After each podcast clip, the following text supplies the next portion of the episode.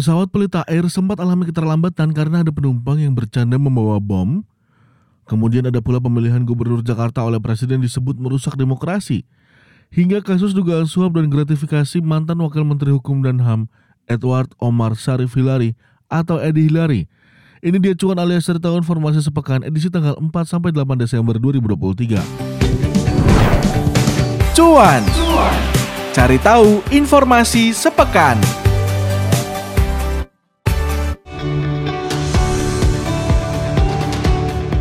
Berita pertama, maskapai Pelita Air dengan kode penerbangan IP205 dikabarkan mendapat ancaman bom.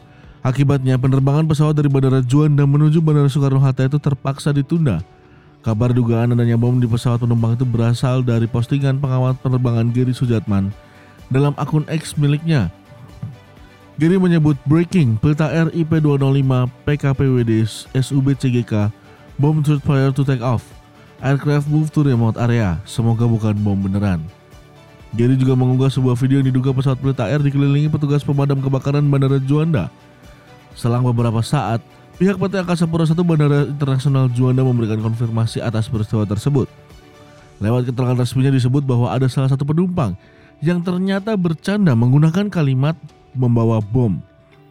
Kami sampaikan bahwa Pelita Air dengan nomor penerbangan IP205 tujuan Jakarta mengalami keterlambatan penerbangan dikarenakan terdapat penumpang yang bercanda membawa bom. Tulis rilis tersebut. Pihak Pelita Air juga buka suara dan membenarkan bahwa seorang penumpang pesawat telah membuat candaan terkait bom.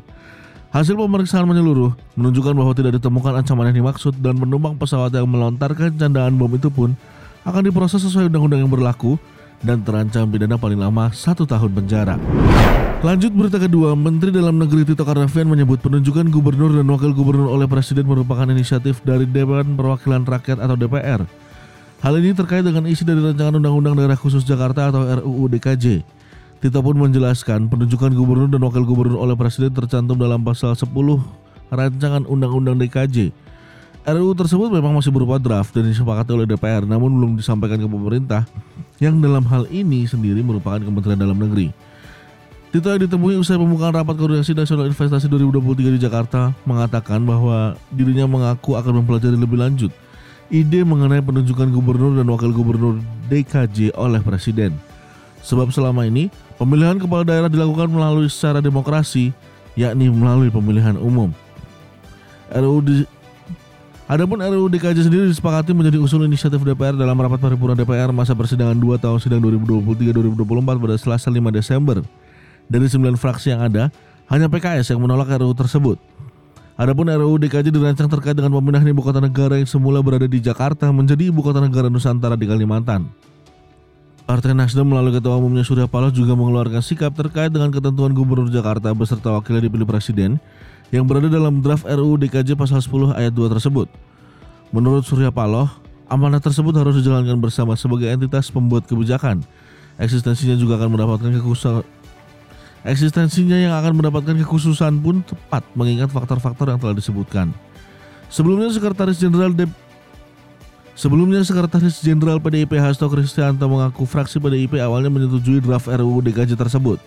Bela itu sendiri sudah disetujui menjadi RUU usulan DPR RI dalam rapat paripurna Selasa 5 Desember. Meski demikian, PDIP akan merubah pendiriannya.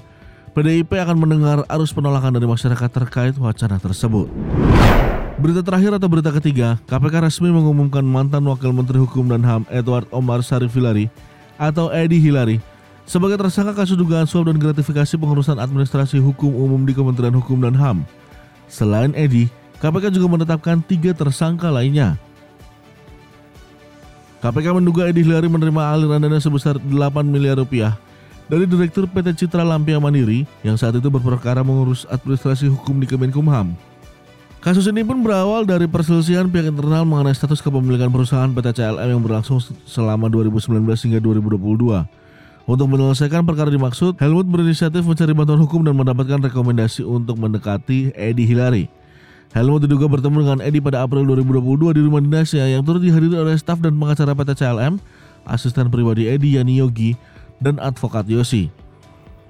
Pertemuan tersebut pun menghasilkan kesepakatan agar Edi memberikan konsultasi hukum terkait administrasi hukum PT CLM dengan fee yang disepakati sebesar 4 miliar rupiah. Selain itu, Edi diduga menjanjikan penghentian penyidikan perkara atau SP3 yang menjerat Helmut di Baris Krim Polri dengan penyerahan uang sekitar 3 miliar rupiah.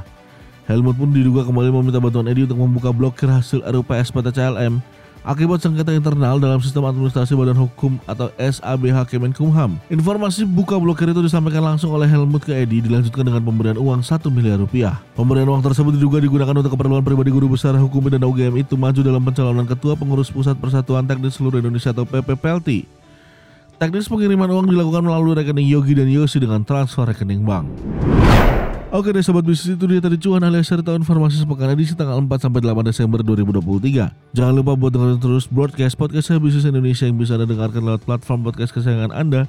Bisa lewat Spotify, Google Podcast ataupun Apple Podcast dan juga jangan lupa buat follow broadcast lewat platform podcast kesayangan Anda tadi ya. Buat Anda yang pengen tonton versi videonya bisa banget langsung cek YouTube channel Bisniscom di sana ada video-video menarik lainnya nggak cuma broadcast. Dan jangan lupa juga buat subscribe YouTube channel Bisniscom supaya dapat informasi-informasi dari video-video menarik lainnya. Saya Ganang Adrian. See ya.